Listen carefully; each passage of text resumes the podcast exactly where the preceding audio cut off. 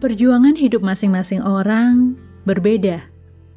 Ada yang bergumul tentang keuangan, ada yang berjuang dengan kesehatannya, ada yang berjibaku dengan hubungan dalam keluarga, juga gambar dirinya.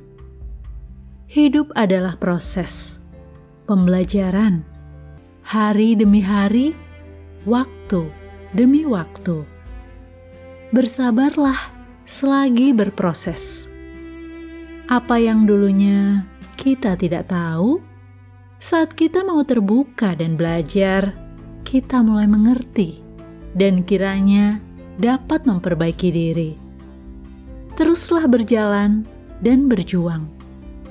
Selama masih ada hari, itulah kesempatan. Belum usai